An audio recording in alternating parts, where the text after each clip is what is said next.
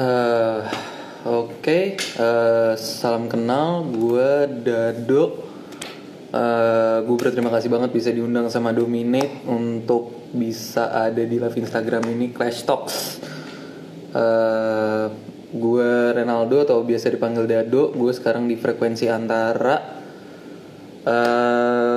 Frekuensi antara tuh media alternatif atau new media eksperimen yang sebenarnya masih berani gue bilang startup kali ya.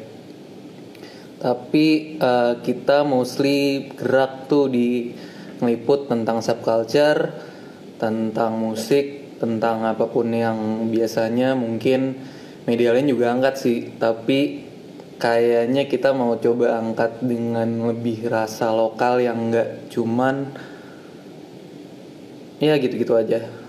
Agak ada spirit-spiritnya kayak majalah Jus dulu. Kita masih mau punya attitude agak coba digging ke hal-hal yang biasa nggak dicoba liput sama media lain lah. Nah eh, kebetulan kan sekarang masih WFH masih PSBB masih jargon-jargon itulah semuanya. Jadi gue harap semuanya nih yang nonton masih di rumah masih rajin cuci, tang- cuci tangan pakai masker bayar pakai GoPay, himbauan-himbauan lainnya yang dikasih sama ya baik perusahaan, pemerintah atau apalah. Tapi yang penting semuanya harus jaga kesehatan sih. Karena dalam waktu dekat ini atau mungkin dalam waktu jauh kayaknya virus corona ini akan masih ada. Jadi eh, stay safe. Terus pesan dari Dominate jangan lupa kalau di akhir eh, discussion ini ada giveaway. Jadi empat pertanyaan yang bakal kalian bisa taruh di komen-komen ini. Kayak Urban X Blight barusan komen anjay. Eh, kalian taruh pertanyaan di situ. Nanti gua dan Mas Bimaji yang menjadi guest di interview ini eh, kita jawab pertanyaannya. Pertanyaan terbaik itu akan dapat dominate produk gratis. Nah sebenarnya gue mengingatkan aja jarang-jarang dapat barang dominate gratis. Gue aja temenan sama Dila udah lama banget. Sampai sekarang belum gue belum pernah dapat barang dominate gratis. Jadi moga-moga yang nanya dapat. Em, nah kita mulai ke Bimaji ya. Gue sebenarnya orang yang udah lumayan tahu nama Bimaji ini agak lama sih. Tapi entah kenapa kayaknya gue nggak pernah uh, berinteraksi langsung atau ngobrol langsung walaupun gue uh, agak uh, selalu ada di sekitaran apa yang dilakukan. Uh, gue pernah berinteraksi di frekuensi antara dengan Syah yang Mas Bima setahu gue itu juga sering uh, berkolaborasi bahkan kalau nggak salah kerja di sana tapi nggak pernah ngobrol langsung gue berurusan sama berbagai kolektif musik yang uh, berkali-kali kalau nggak salah Mas Bima juga main tapi gue nggak pernah berurusan langsung. Uh, kayaknya ada banyak teman-teman gue yang teman-teman teman-temannya Mas Bima juga tapi nggak pernah ngobrol langsung juga nih gue jadi gue penasaran juga sih untuk bisa ngobrol sama dia kira-kira apaan aja storynya dia apaan aja yang gue bisa tahu tentang uh, timeline yang gue udah kenal dia dari dulu sampai sekarang dan apaan aja yang bisa diobrolin nah ini Halo dok, uh, kedengeran nggak gue dengar dengar dengar. Nah, eh, di sini kan walaupun ada intronya gue sebenarnya agak pingin coba lu ngejelasin diri lu sendiri sih Mas Bum. Jadi kalau di sini ditulisnya tuh lu seorang skater, DJ, dan owner sebuah store dan brand skate. Nah, lu itu yang gue tahu juga itu sih. Tapi kayaknya eh, kalau misalnya dari dari perspektif lu pribadi, lu ini siapa? gua pensiunan skater. itu kayak gimana tuh? Gua udah nggak jarang banget main sih, paling nemenin anak gue doang. Sekarang Nah, oke. tapi kalau misalnya DJ masih, masih gue masih DJ-nya Syah, oh, oke. Presiden Syah. Nah, gue ngejalanin toko juga, toko skate. ya, Mas? Masih DJ di Syah ya mas berarti? Masih masih. Sekarang kondisinya kalau kalau boleh tahu kayak gimana tuh uh, nge-DJ? Sekarang sih outlet lagi tutup semua ya, dirumahkan semua. Cuma kayak ada program-program kayak live atau bikin mixtape, bikin apa namanya eh, edit-edit gitu buat konten Nah. online sih. Heeh. buat lu sendiri gimana tuh mas Eh, rasanya kalau misalnya nge-DJ secara virtual Seru-seru aja sih. Gue baru berapa ya dua dua kali gitu. Selain- beda aja ya. Biasa biasanya ada crowd cuma ini kan cuma cuma ada komen-komen doang gitu. Dan ketutup banget gitu lah. Itu beda banget sih aneh banget. Awalnya aneh banget. Nah, selain skate, eh selain eh, live stream atau bikin edit edits di digital gini, live session live session gitu, ngapain aja Mas Bim berarti sekarang? Sekarang gue eh, di rumah aja sih kayak j- jagain anak-anak sama gue bantuin bisnis istri gue, bisnis Eh, makanan apa? istri gue. Oh, di Jadi lebih ke situ. Kita mulai dari, gue boleh cerita dulu nggak Mas Bim Ah. sedikit? Eh gue pertama kali denger atau tahu nama lu itu gue ngeliat di poster yang gue datang juga acaranya di eh ketoprak malam tahun 2015 Di Treehouse ya. Treehouse bareng Cus sama Archie kalau nggak salah ada satu DJ bule tapi gue lupa namanya siapa eh Damfang kayaknya ya. eh iya Iya. lupa nah gue ingat pokoknya itu ketoprak malam tuh nah dari situ sampai eh, zaman-zaman baru-baru tahun lalu gue kerja sama Syah tuh gue selalu ketemu nama lu tapi nggak pernah ngobrol langsung nih jadi Iya, kita belum ada ketemu ya. Padahal Ah. di MA ya.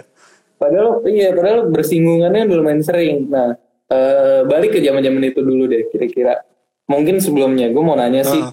lu mulai skate gimana ceritanya Mas Bim kayaknya itu jadi akar eh, apa yang lo lakuin sekarang kan berarti seharusnya Skate ya. nah Awalnya skate sih tahun 93-an deh gue mau eh, dari S- SD mau ke SMP tuh kalau nggak salah. Tahun 94. Karena rumah gue kan deket banget sama Senayan. Di belakang Hotel Mulia. Terus gue sering ke Senayan. Naik sepeda gitu sendirian. Terus ada beberapa anak yang main skate gitu hari Minggu pagi. Terus akhirnya wah tertarik juga nih lihat-lihat. Akhirnya gue beli, gue cobain. Gue Hmm. beraniin ikut gabung aja. Di situ ada udah ada Rico, udah ada Johan gitu-gitu yang lebih senior. Hmm. Ya udah gue ikut gabung deh. Karena rumah gue deket jadi akses gue gampang gitu untuk ke sana. Gitu akhirnya sampai sekarang gitu. Terus lu kan eh, megang Stepa nih. Heeh. Jadi bisa di lu bisa ngelihat kultur skate berubah tuh dari tahun 93 ya sampai sekarang. Eh, iya sih lo- lumayan jauh juga. gue ngikutin beberapa generasi sih. Itu kayak gimana tuh kalau misalnya buat lu Mas Bim? Maksudnya perkembangannya apa aja? Titik-titiknya yang Eh penting. dari fashion aja beda, dari triknya udah beda, dari size papannya juga berubah. Hmm. Berapa kali perubahan gitu-gitu. Eh, brand-brand yang berpengaruh juga beda. Hmm, sempat cepat gitu per per per empat tahun, per empat tahun gitu udah udah berubah aja gitu. kalau di sini kalau lokal Maksudnya lokal? eh, kalau tadi kan Mas Bim ngomong eh, brand size papan ini influ, eh, budaya influence dari eh, budaya luar juga kan mostly kan. Kalau misalnya di lokal perubahannya apa? Yang Perubahannya Kasih sekarang eh dari ini dulu ya, dari umur ya. hmm, Kayak dulu gue mulai itu SD mau ke SMP itu gue paling kecil main di situ. hmm, Dan sekarang semakin ke sini semakin muda yang main. Jadi kayak anak umur lima tahun, enam tahun itu udah udah jago gitu. Gimana nanti mereka lima tahun lagi kan parah. Sekarang aja yang yang menang ASEAN Games kemarin aja umur 14 ya dari Indonesia. iya kalau nggak salah ya. Jadi udah udah kebukti kan kayak majunya tuh maju banget gitu. Kayak mundur umur gitu. Tapi menurut lu kira-kira itu kenapa Mas Bim bisa kayak semakin muda sekarang? Kayaknya semakin semakin ya dulu gue main skate cuma beberapa orang gitu ya kayak Hmm. yang main skate ini yang di daerah ini yang main skate ini ini udah kenal gitu. Cuma lama-lama kayak banyak banyak banyak banget terus sampai daerah-daerah juga main sampai yang jago pun kita nggak tahu lagi namanya siapa gitu. Udah saking banyak yang jago. Itu kali maju maju. Akhirnya semakin ke sini ada sekolah skate gitu buat anak-anak kecil. Kayak Twilo kan bikin. Kayak di Taman Mini juga di BSD juga ada. Kayak mereka terima umur 4 tahun. Minimal umur 4 tahun udah bisa ik- ikutan. Dan itu banyak yang main. Dan dari empat tahun dua tahun kemudian tiga tahun kemudian tuh udah jago jadi bayangin 10 tahun lagi generasi skate kita sih keren sih. Lu ngebayang nggak tapi bakal sampai titik sekarang ini pas kayak dulu lu mulai main skate di kalau dulu sih gue nggak nggak nggak mikir nggak mikir apa apa ya main skate main skate aja seneng seneng aja gitu kan. Ada bedanya nggak berarti? Kayak kalau misalnya lu ngeliat kultur skate sekarang sama kultur skate dulu. Bedanya sekarang gampang lebih terekspos gitu ya hmm. karena sosial sosial media juga uh, gampang gitu cuma kalau dulu kan nyari informasi tentang skate itu kan susah banget. Itu mesti beli bu, beli majalah import di Rubino, majalah uh, video skate juga mesti beli dari Amerika ya gitu-gitu. Dan itu juga nah, berharga berharga banget gitu video skate nah. dulu gitu. Kalau sekarang kayak gue buka Instagram, teman-teman gue udah yang generasi sekarang nih udah semuanya instastorynya main skate aja di jalanan gitu itu. gue inget banget sih dulu pas iya kan? gue punya majalah uh, Trans World gue megang aja nggak boleh. Maksudnya kayak gue megang iya, sembarangan saking, gitu kayak, saking berharganya kan.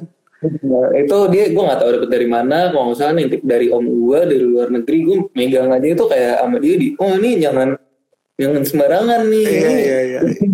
Iya karena saking jarangnya saking susahnya nah iya. gue jadi penasaran sih mas Bim kayak lu kan ngerasain uh, era di mana informasi tentang budaya ini tuh masih dikit banget dan kayak entah bagaimana uh, kultur yang kalian kembangin sampai sekarang tuh masih berjalan sebagai akar-akarnya kayak uh, gue inget banget dokumenter Senayan skateboarder yang kalau nggak salah dulu sempat ada dokumenter ah bikin uh, waktu 21 tahun sama hmm. 25 tahun. Yang baru yang kemarin 25 tahun. Yang 21 tahun yang gue nonton. Dan itu oh, iya. itu wah itu itu gila banget sih. Gue ngeliat uh, orang-orang yang ada di situ tuh orang-orang yang gue bisa bilang ya orang ya orang yang gue bekerja sama juga gue anggap senior senior gue. Nah uh, di era itu lo kepikiran gak sih tapi kayak apa yang kalian lakuin? Kayak maksudnya kayak ini ini uh, apaan gitu budaya skate gitu. Pada masa itu sih nggak nggak kepikiran sama sekali sih. Gue punya handycam itu aja kayak minjem minjem itu merekam dan kita nggak kepikiran sampai ini buat buat ntar deh buat berapa tahun lagi buat gitu gitu kita rekam buat kita kita aja seneng seneng aja gitu kita nggak edit kita nggak apa pokoknya uh, pulang ke rumah ditonton lagi di handycam tuh udah seneng banget gitu Terus kebetulan semua itu gue nyimpan kaset-kaset itu. Hmm. Jadilah akhirnya gue bongkar semua. Gue pernah nggak ada nggak nggak ada kepikiran tuh buat bikin apa nanti bikin apa enggak nggak ada udah main skate main skate aja deh. Kayak nah menurut lo tapi ada perbedaan nggak di culture skate sekarang dengan informasi yang banyak banget dengan culture skate dulu yang di mana lu tuh masih harus uh, digging. Kayak lebih ke style ya. Style sekarang lebih lebih variatif sih. Style hmm. dari dari fashionnya gitu-gitu. Kalau dulu uh, satu video ditonton sama sama semua anak skate kali ya di zaman itu. Jadi sampai fashionnya, uh, musiknya tuh ya sama aja, mirip-mirip aja. Kayak celana baggy, sepatu gendut, ya kaos gombrong biasa, uh, flanel kayak gitu-gitu itu hmm. hampir ya standar lah buat zaman itu gitu. Kalau sekarang uh, style beda-beda banget gitu. Beragam nah, banget, variasi banget. Lo pas zaman itu kayak gimana tuh, Mas Bim? Kalau boleh tahu maksudnya kayak yang lo anggap keren tuh style kayak gimana? Dari sepatu sih, sepatu udah pasti gendut sih. Sepatu hmm. DC, IS itu dulu gendut-gendut. Gak tau deh, dulu kayaknya nyaman-nyaman banget gitu pakai itu dan berasa gaya banget. Padahal nggak tahu deh kalau gue lihat sekarang nih, gila gue pakai sepatu robot gitu.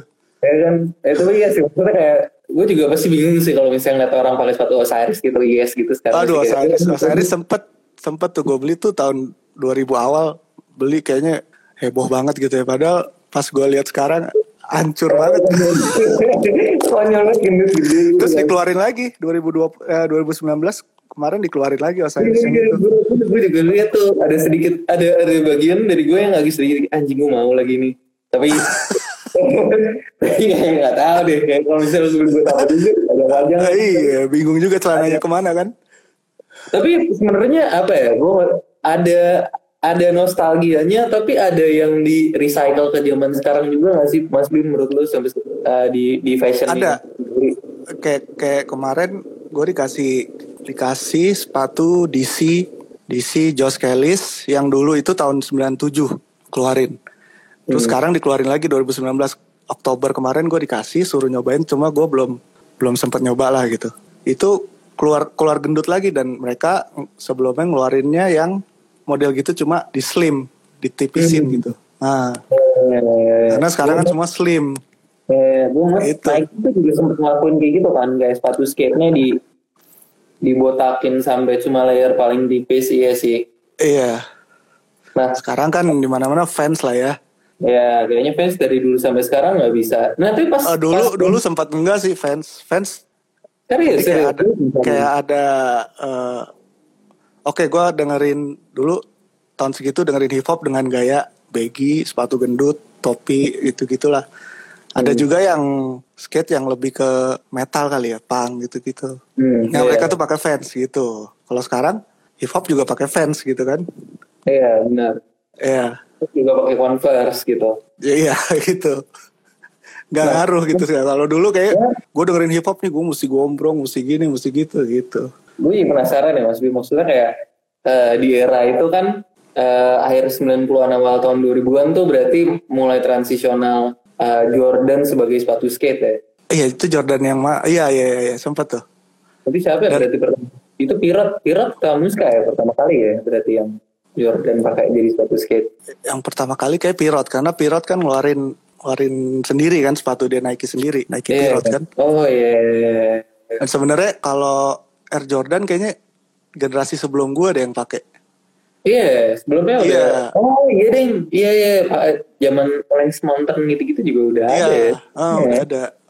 Iya benar juga benar juga. Kalau Nah, di zaman gue itu pas Nike Dunk keluar. Sebelum iya, SB ya, sebelum Iya, SB. iya. Ya, eh, Dang tuh udah lebih nyaman lagi buat skate ya. Soalnya kan mereka gue sih lebih gue sih lebih suka Dunk yang low pro biasa daripada yang SB. Karena yang SB gendut. Ah, ada paddingnya kan. Ah, ah, ada ada itunya. Ada di lidahnya gendut gitu. Hmm. Gue sempat pakai beberapa kali SB, gue kurang suka. Gue mending Nike Dunk yang low biasa, lebih napak di papan gitu. Hmm. Menurut gue ya. Eh, tapi menurut lu barrier itu tuh bisa gue bilang genre gak sih di fashionnya skateboarding berarti kan tadi lu bilang ada anak skate yang punk atau metal terus ada anak skating hip hop itu kan makin lama tuh eh, garisnya hilang tuh Mm, hilang sih. itu menurut lu terjadi kira-kira pas kapan tuh Pas apa ya? Itu 2000 2005-an kali ya. 2000. Nggak tahu tiba-tiba aja sih itu udah kayak kayak nggak ada lagi tuh kayak skate punk. Sempet sempet skate punk naik banget. Terus udah tahun 2000 2005 2006 tuh udah tuh semenjak semenjak streetwear kali ya. Kayak Hmm. Half masuk, kayak Supreme naik kayak gitu-gitu. itu pemikiran yang gue juga pingin tanya gue penasaran sih dari sisi lu nih Eh, Em, perspektif lu gimana tentang eh, skate fashion menjadi eh, se gue gak, gue gak bilang main se mainstream itu ya sebenarnya ya kayaknya tapi mungkin untuk jumlah orang yang emang eh, udah menggeluti budaya ini lebih lama mungkin akan berasa mainstream. Menurut lu gimana mas Bim tentang itu? Kayak lu sekarang bisa ngelihat orang yang eh, mungkin nggak bisa nyebut satu skater pun tapi pakai kaos treasure gitu. Ah, itu itu yang gua kurang setuju sama kayak lu nggak main skate tapi lu pakai tracer, lu nggak boleh gitu. Kan sempet tuh gitu tuh yang kayak Justin Bieber pakai treasure, Rihanna pakai treasure gitu-gitu. Ya. Treasure-nya sendiri nggak suka menurut gua. Ya lu bikin brand ya ya siapa, siapa aja yang pakai kan bebas sih sebenarnya. Mungkin gara- gara-gara dia nggak main skate terus nggak boleh pakai treasure gitu. Enggak lah. Maksud gua sebenarnya yang yang ngidupin treasure itu kan mereka. Kayak yang Hmm. mungkin berapa orang sih yang main skate pakai treasure? Ya, benar. Ya kan Gua- kayak berapa sih yang yang main skate beli kaos half gitu. Benar, yang benar, nggak benar. yang nggak main skate lebih banyak beli kaos half daripada yang main skate gitu. Menurut gue sih gitu. Menurut gue sah sah aja gitu. Ngapain lo mesti nutup nutup gitu. Hmm, gue setuju sih. Soalnya kayak eh, kebanyakan skater yang gue tahu tuh pasti mereka beli gear yang emang buat main. Iya buat Lagi main atau eh, support temen support brand temennya atau gitulah. Hmm. Gue sih ya gue gue gue beli gue beli half gue beli eh, treasure. Menurut gue kalau gue lagi ke mana gitu orang pakai treasure cuma eh stylenya kurang kurang kurang cocok gitu ya pakai treasure atau ya kan pakai sepatu pantofel tapi kaos treasure ya sah sah aja sih itu udah brand gitu udah lu jual dia beli ya udah gitu aja. Nah, tapi menurut lo Mas Bim, orang-orang yang menggunakan brand-brand skate ini, mereka mengidentifikasi dirinya dengan budaya skate atau enggak? Enggak sih belum tentu sih. Oh, Iya enggak sih? iya sih benar. Mungkin enggak ngelihat ya kayak tadi ngelihat kaos treasure gara-gara Rihanna pakai. Hmm. Ini gua beli pengen beli treasure gara-gara adalah idolanya make gitu kan. Bukan gara-gara gua main skate terus dia beli treasure enggak. Jadi sebenarnya sah-sah aja sih ya. Sah-sah aja sih. Lu jual gue beli gitu aja. Kalau lu mau dipakai orang ya nggak usah beli, nggak usah jual. Nah, itu kan ngomongin identitas tuh, Mas Bim. Kalau misalnya dari sisi skate, gue mau ngelanjutin ini ke Senayan Skateboarder. Ya. Eh, buat gue mengenang bahwa gue gue baru-baru ini bikin dokumenter juga sebenarnya dua tahun yang lalu Sus- susah banget susah banget susah banget bikin dokumenter susah banget terus eh gue inget banget pas meeting eh, konsep pertama nih brainstorming yang pertama gue itu naruh eh, patokan gue tuh ke dokumenter yang Senayan Skateboarders di 21 tahun. Kalian tuh berpikiran kata-kata kolektif nggak sih dulu? Dulu belum sih. Jadi sebelum ada Senayan Skateboarders itu ada namanya ISA, eh, eh, JSA, Jakarta Skateboarding Association.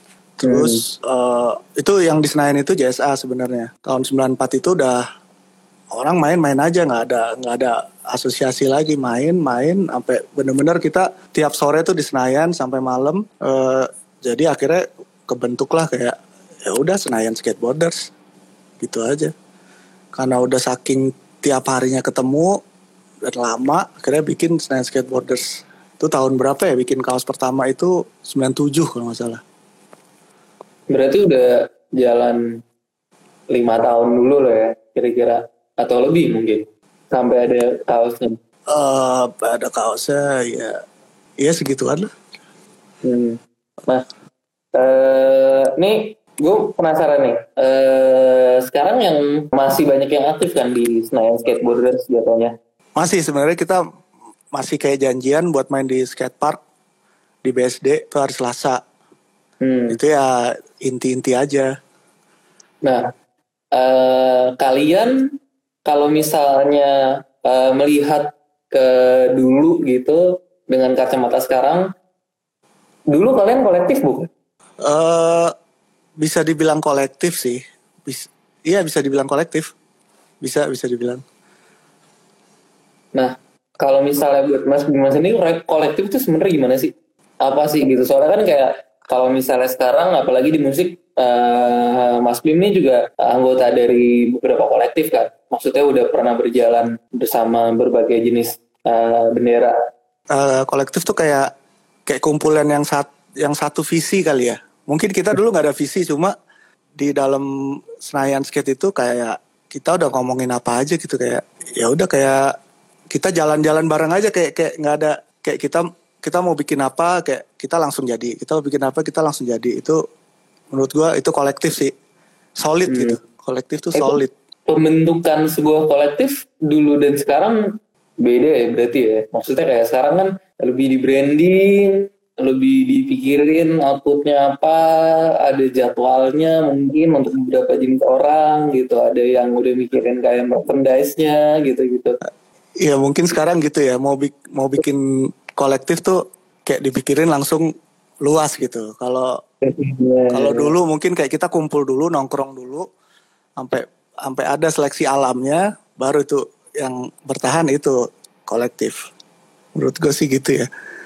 Soalnya gue berani gue gue gue berani dan percaya banget bahwa Senayan Skateboarders tuh salah satu kolektif organik yang real nih di di di, di Jakarta. Soalnya nggak banyak loh um, yang jalannya seorganik itu selama itu konsistensinya bukan cuma mikirin kayak tren berubah atau gimana uh, ngikutin perubahan genre, ngikutin perubahan fashion. Kayak emang sekumpulan orang-orang yang punya visi sama aja. Uh, kalau misalnya buat Mas Bim nih, kolektif-kolektif yang pantas diperhatikan dari dulu sampai sekarang apa aja? Dulu sampai sekarang ya. Apa aja nih ya? Apaan aja boleh? Dulu di Senayan juga ada kayak rollerblade apa komunitas rollerblade gitu. Itu juga hmm. itu juga lumayan lama. Cuma sekarang gue nggak pernah kedengeran. Terus nggak harus di uh, skate atau ini sih di musik juga boleh kayak misalkan musik uh, dari kalau dari gue ya uh, gue tuh pertama kali mulai uh, tentang sebenarnya gue uh, ngelihat acara atau malam itu juga gara-gara gue dulu pertama kali kepanggil ke Treehouse tuh gara-gara Good News. Oh, Oke, okay, Good News. Good News tuh kalau misalnya buat gue itu salah satu kolektif juga yang paling punya uh, roots yang deep banget di Jakarta. Iya, yeah, yeah, Damo sama Leno gila sih. Damo sama Leno gila sih. Iya iya iya Leno gila, Leno gila. gue penasaran deh. Uh, ini kan gue pertama kali kenal lu tuh sebenarnya ya selain seorang skater, tapi gue pertama kali interact sama lu tuh sebagai uh, ngeliat lu seorang DJ. Uh. Itu lo masuk ke DJ gimana? Uh, gue awalnya emang tahun 2000-an, 2001 tuh gue main drum and bass ikut kolektif Stereo Work. Kalau ada yang tahu. Sekarang ada Java Bass. Hmm. Dulu ada Stereo Work bareng sama Java Bass. Hmm. Ah itu itu itu, itu namanya kolektif. Jadi gue ber berempat. Emang emang berat sih ngejalanin drum and bass ya. Oh. Itu gue bener-bener ngeluarin duit sendiri, kayak bikin flyer, kayak uh, nge-approach uh, klub-klub sana sini yang boleh main drum and bass kayak gitu-gitu. Itu itu lumayan berat tuh stereo work lumayan kolektif yang patut di diacungin jempol lah maksudnya gigih hmm. banget gitu hmm. itu sampai 2000 2006 2007 lah dari 2001 sampai kita yang main drum and bass pertama di Solo dan itu rame banget itu 2004 hmm. kayak gitu-gitu itu itu sempat itu sempat bersinggungan nggak mas tapi kayak budaya yang eh, budaya yang masih dijalanin di musik sama yang dijalanin di skate? Uh, maksudnya sama sih kayak kayak pertandingan skate waktu tahun 2000-an gitu gue baru-baru mulai nge-DJ gue pertama kali nge-DJ di acara skate. Di acara hmm. pertandingan-pertandingan itu gue main drum and bass. Uh, mereka pertandingan gue main drum and bass. Sampai sekarang kayak mungkin di Indonesia kayak identik uh, uh, pertandingan skate harus ada party drum and bassnya gitu. Musik tuh bikin karakter kita buat main skate ya menurut gue nah, itu kalau lu dengerin kalau lu dengerin pang udah pasti dananan lu gitu dan lu mainnya juga nggak mungkin lu pelan-pelan santai-santai nggak. Itu pasti jadi karakter seorang skaters gitu. Kalau gue mungkin kayak dengerin uh, hip hop Farside gitu zaman zaman itu ya udah gue sok-sok sok-sok mainnya santai gitu gitulah itu bikin karakter kita sih uh, berpengaruh di kita main skate. Lu dengerin apa main skate lu kayak gitu. Nah kalau misalnya uh, buat Mas Bim nih skate yang sekarang eh style skate yang sekarang sama style skate yang dulu ada yang lu nggak suka nggak? Atau gak ada sih, gua gua ngikutin arus aja sih. Cuma yang gua kurang suka, bukan nggak suka, gua kurang suka ada yang orang main skate tapi nggak nggak ada soulnya gitu. Kayak lu jago tapi nggak nggak enak dilihat. Ngerti nggak? Gue nggak nggak bisa jelasin paham, sih nggak bisa jelasin sih. Tapi tapi gue paham gak paham sih. Kayak iya kan? Ngerti kan? eh orang yang kayak ngepopnya agak sedikit gimana gitu orang yang landing landingnya Eh, gitu lu, lu lu bisa lu bisa trik trik susah cuma ngedapetinnya tuh nggak enak gitu. Hmm, ada juga eh, orang yang mainnya biasa aja tapi Tapi kalau style. misalnya iya kayak ada kalau misalnya gue gue paling suka tuh ini sih eh, Joey Brzezinski Joey Brzezinski jago itu. Joey itu Brzezinski. style, itu Tapi, style. kayak, tapi dia kayak apa ya? Dia nggak yang technically gila banget, tapi ada ada smooth gitu. Kayak nih orang Ya smooth. dia Itu kata-kata bener soulful smooth. banget tuh. Dia soulful banget yang- mainnya. Gak usah yang gerada geruduk, gerada geruduk ada yang keren juga gitu. Cuma ini ada yang Hmm. gerada geruduk cuma nggak style yang lu mau pakai dan dan apa juga kalau style lu gitu kurang aja sih menurut gue. Kalau gue di eh, beberapa beberapa kali gue jadi juri juri pertandingan gitu. Yang paling gue lihat stylenya sih smoothnya gitu. Mungkin trik susah Kayak- cuma berantakan gue mending mending lu saturan tapi lu kayak lu kayak main skate lu fun gitu nggak yang Hmm. ngejar banget gitu nggak itu sih yang gue maksud santai Nah, aja Nah, ini Mas Bim, Mas, Mas Bim sebagai juri nih, eh yang lu paling suka tapi dari generasi baru skate. Sekarang ini selain eh, variasinya mereka apa? Kan tadi Mas Bim sempat ngomong kalau misalkan eh, anak-anak skate sekarang style udah mulai eh, eh, bercabang ke mana-mana, tekniknya mereka jago. Tapi kan ada elemen-elemen lain kayak filming, atau mungkin eh, komunikasi kayak contohnya mungkin eh, kru yang gue paling suka sekarang tuh kalau misalnya di luar tuh eh, GX eh, GX ribunya eh iya GX, GX ribu ya. Ah. GX ribunya dia Oh. gue wah nih gue lebih parah sih iya gue lebih gue lebih suka yang gue lebih video person. Kalau kalau s- skate di skate kan ada kayak kom- kompetisi ada itu. Gue lebih ke video orangnya. Jadi gue gue menghargai banget kayak eh, satu brand yang ngeluarin video satu satu part satu part untuk eh, rider ridersnya itu gue sangat menghargai mereka gitu. Karena bikin video tuh susah banget. Dan video tuh abadi sih maksud gue dengan lu bikin sekarang lu tonton 10 tahun lagi lu daripada lu ya pokoknya lu mesti lu mesti lu mesti bikin sesuatu yang buat dikenang buat lu nanti gitu. Hmm. nah gue gue sih vi- ya, gua video banget sih. Kalau misalnya buat lu nih Mas Bim eh video eh, rilisan tim atau brand mana yang lu paling suka? Soalnya kan kayak itu semuanya style beda-beda ya. beda-beda tiap brand beda-beda Eh, kalau lu paling suka brand mana? kalau luar sih ya eh, waktu itu girl girl skateboard Girl, oh girl parah sih. ya itu video-videonya itu gila sih Emang sampai bikin sampai bikin film layar lebar yang bikin ya kan? Cuma dia doang Iya. siapa? Direkturnya? Eh Spike Jones. Spike Jones. Itu kan Spike salah Jonze. satu yang punya. Nah, makanya dia bisa bikin Spike Jones yang bikin. Menurut gue lokal Jakarta juga bagus-bagus videonya. Gue lupa judul-judulnya cuma mereka style udah keren sih. Beda banget. Keren banget. tuh kayak eh, Malaka eh, waktu itu bikin yang baru-baru ini gue nonton Malaka. Oh keren. Malaka Malaka gue juga ngefans sih. Soalnya gue pernah eh, eh, kerja sama eh, anak Malaka di kantor gue dia sempet ada. Terus dia ngasih lihat mereka tuh ngambil footage-nya masih eh, ini masih pakai VX iya dan gue kayak wah gue gue suka.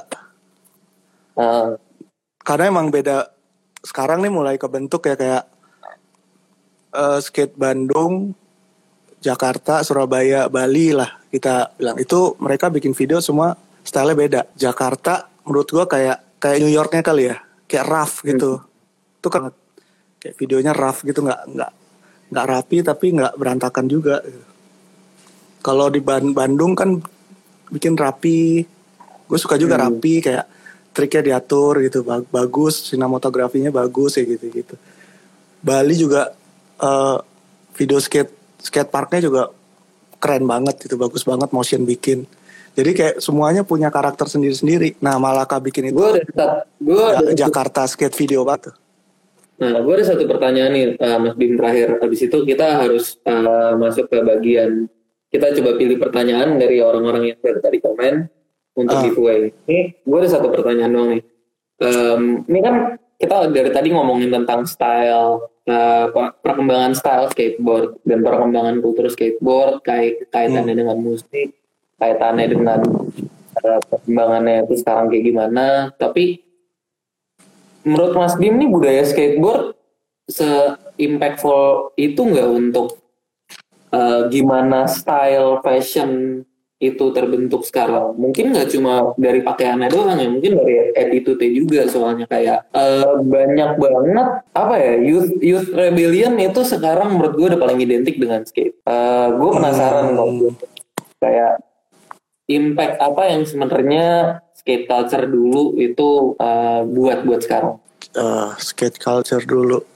Sebenarnya impactnya ya ya udah kita lihat ya. Orang awam udah pakai kaos treasure. Hmm. di mall juga udah jual treasure. Di Indonesia juga udah ada eh, out- outletnya Vans dan Hmm. outletnya DC kan sepatu skate juga gitu. Itu menurut gua udah pembuktian sih kayak masuk banget sama eh, style sehari-hari kita. Dan banyak sih orang yang nggak tahu kayak Half itu sebenarnya brand skate nama orang nama nama skater gitu kan Skate half legal. atau iya dan brand-brand yang lain lah itu udah membuktikan sih dampaknya menurut gua gitu Nah, ini eh, kita coba mulai milih pertanyaan kali Mas Bim. Ini kan baik banget nih. Nah, gue pilih satu pertanyaan Mas Bim, gue pengen jawab sini soalnya ini agak lumayan menarik. Eh, Yermi Adi nanya, lebih penting skill atau style atau harus sejalan keduanya? oke style tuh maksudnya style mainnya ya Kayaknya ya ini. bukan style style fashionnya ya Hmm, oh, itu menarik juga tuh. Iya. Menurut gua Oh. eh, lebih penting style. Maksudnya bawaan badan lu tuh. Kalau menurut gua style tuh bawaan badan. Mending enak di bawaan badan dulu baru skill. Karena kalau bawaan badan lu nggak enak sampai lu jago juga nggak enak dilihatnya. Gue lebih milih style dulu. Style tuh style Nah. badan ya. Bawaan Hmm, badan. ya. Movement ya berarti ya. Ah, ah. Nah, lo pilih satu pertanyaan dong Mas Bim. Juga. Ya dulu dulu rilisan video skate dokumenter skate Indo dalam bentuk apa aja. Oh, itu yang nanya siapa tuh Mas? Itu Mercurius. Gimana tuh Mas? Menurut Mas Itu ya. pertanyaan. Nah, boleh tuh. Rilisan fisik dulu pertama itu Bandung ada namanya Geber. Bandung duluan kalau nggak salah ya. Habis itu baru eh, Senayan mungkin 99 itu Time After Time. Itu bentuk fisik semua. Terus gue coba bikin tahun 2008 bikin video magazine, video skateboard berbentuk DVD itu ada tiga, gue sempat ngeluarin tiga, tiga volume, eh, sama satu video tour Hmm. KL KL Singapura tour. Itu gue bawa 9 main di spotnya eh, KL sama Singapura. Itu sebenarnya ada lagi cuma mereka nggak rilis ke fisik gitu. Rilisan skate tapi sekarang fisik udah jarang ya. Atau gua gua atau mungkin gue yang kurang lem, gue yang kurang ini kali ya. Gue yang terakhir bikin itu deh tour itu. Nah, coba nah, kita lihat-lihat. Ini Oh, kan sekarang banyak muncul banget gitu. Nih Diki Setiadi. Oh, gue juga tadi ngeliat tuh pertanyaan ini lumayan menarik tuh. Eh, sekarang banyak mulai banyak banget skater muncul nih bang. Tanggapan lu tentang Gue belum pernah lihat sih ada kubu-kubuan. Kubu-kubuan itu udah udah nggak ada kubu-kubuan ya. Hmm, Dulu eh dulu juga nggak ada Bandung Jakarta juga oh sempet dulu juga sebelum gue main kali ya Bandung Jakarta kayak kubu-kubuan di di kompetisi. Ya kayak zaman Hmm. Nah, itu itu gimana, Mas? itu dulu gue nggak nggak terlalu ngerti sih karena gue masih kecil. Cuma itu paling berlangsung cuma setahun dua tahun habis itu oke lagi. Nggak nggak pernah ada sih kubu-kubuan. Gue nggak tahu. Kayak per orang nggak suka sama per orang. Cuma kalau kubu-kubu satu kolektif sekarang juga kayak Senayan dulu itu ada mungkin Pulau Mas Pulau Mas skateboarding. Hmm. kita main sama-sama aja. Nggak ada nggak ada intrik apa apa karena emang nggak ada yang diintrikin apa ya? Pertandingan oh iya pertandingan ya ya udah. Nah. pertandingan siapa jago dia menang gitu aja Nih ada du- eh, gue pilih satu pertanyaan lagi terus Mas Bim pilih satu pertanyaan lagi ya. Heeh. Oke. Nih gue eh milih MRZQP. Dia nanya apakah anak skate harus mengikuti culture dan stylenya itu sendiri. Nah, menurut Mas Bim gimana tuh? culture-nya enggak kali ya mungkin Hmm. industrinya lebih kita ikutin Kalau misalnya Mas Bim, satu pertanyaan terakhir Mas Bim yang milih. Nah, dia nanya apa? Oh, pernah nggak sih main skate di tempat umum terus diusir sama satpam terus apa yang bukan saat di situ Nah, menarik tuh Mas. Oke dulu waktu zaman rebel-rebelnya ya, gue main skate dari ujung Jakarta, eh, dari ujung pokoknya spot Jakarta, gue udah cobain yang ada satpamnya yang gue pernah main di Bank Indonesia. Tau kan gimana ketatnya dulu, sempet sampai di ditodong pistol sama security-nya. Cuma ya menurut gue itu termasuk dalam kulturnya sih. Lu main skate di jalanan. Skate park itu buat lu ngelatih ngelatih skill lu atau lu bersenang-senang aja cuma untuk nyentuh segi artnya lu mesti main di jalanan sih. Kayak sekarang nih Jakarta kan bagus banget trotoarnya di Sudirman. Itu gue seneng gue lihat sebelum sebelum DJ misalnya gue jalan gitu eh, naik mobil gue ngeliat di Sudirman kayak malam-malam ada yang main skate di spot satu ada spot dua spot tiga itu udah menurut gue culture skateboard Indonesia sih udah udah jadi banget sekarang didukung sama sama pembangunan Jakarta. Hmm, spot ya. banyak banget sekarang bagus-bagus. Dulu gue nyari spot tuh setengah mati dan nggak sesmooth sekarang. Iya, Grand Meridian kalau kalau kalau kalau diusir sih udah udah bukan ini lagi udah kejar-kejaran kali sama satpam. Udah udah bagian dari emang udah bagian Ah, dari itu itu justru seninya gitu. Kalau kalau dulu kalau sekarang gue main skatepark aja deh yang aman-aman aja. Ya udah eh, Mas Bim itu aja sih kayaknya kita waktu ya Eh, udah selesai. Eh, terima kasih banyak ceritanya. Sebenarnya mau ngomong kita bisa ngobrol-ngobrol lagi sih soalnya gue masih penasaran banget tentang eh historinya Mas Bim apalagi selain skateboarder. Eh, belum kita lanjut ke eh, ke musiknya juga ya itu ada iya hip-hop. ayolah kapan lagi Ayo nanti gue interview di FA ya boleh dong siap boleh Nah, banget Terakhir terima kasih buat yang nonton nih semuanya dari tadi dan nanya-nanya. Sorry kita nggak bisa uh, jawab-jawabin semua. Jujur aja gue juga masih gaptek nih sama IG live. Gue dari tadi kayak uh, kagok-kagok gitu. Dan terima kasih buat tim Dominate udah secara uh, nggak langsung memperkenalkan gue dengan Mas Bima jadi bisa ngobrol kayak gini langsung setelah berapa ya 2015 sampai sekarang 7 tahun lebih 9 tahun ini akhirnya li- eh 5 tahun 5 tahun akhirnya, akhirnya baru ngobrol dua tahun Oke, terima kasih buat tim Dominate, terutama eh, Dila nih yang nyambungin Thanks Dil. Uh, thank you semuanya. Thank you Dila, thank you Dominate. Yuk, semoga-moga yang tadi dapat. Jangan lupa follow Instagram Dominate, jangan lupa follow YouTube Dominate Media Clash. See you.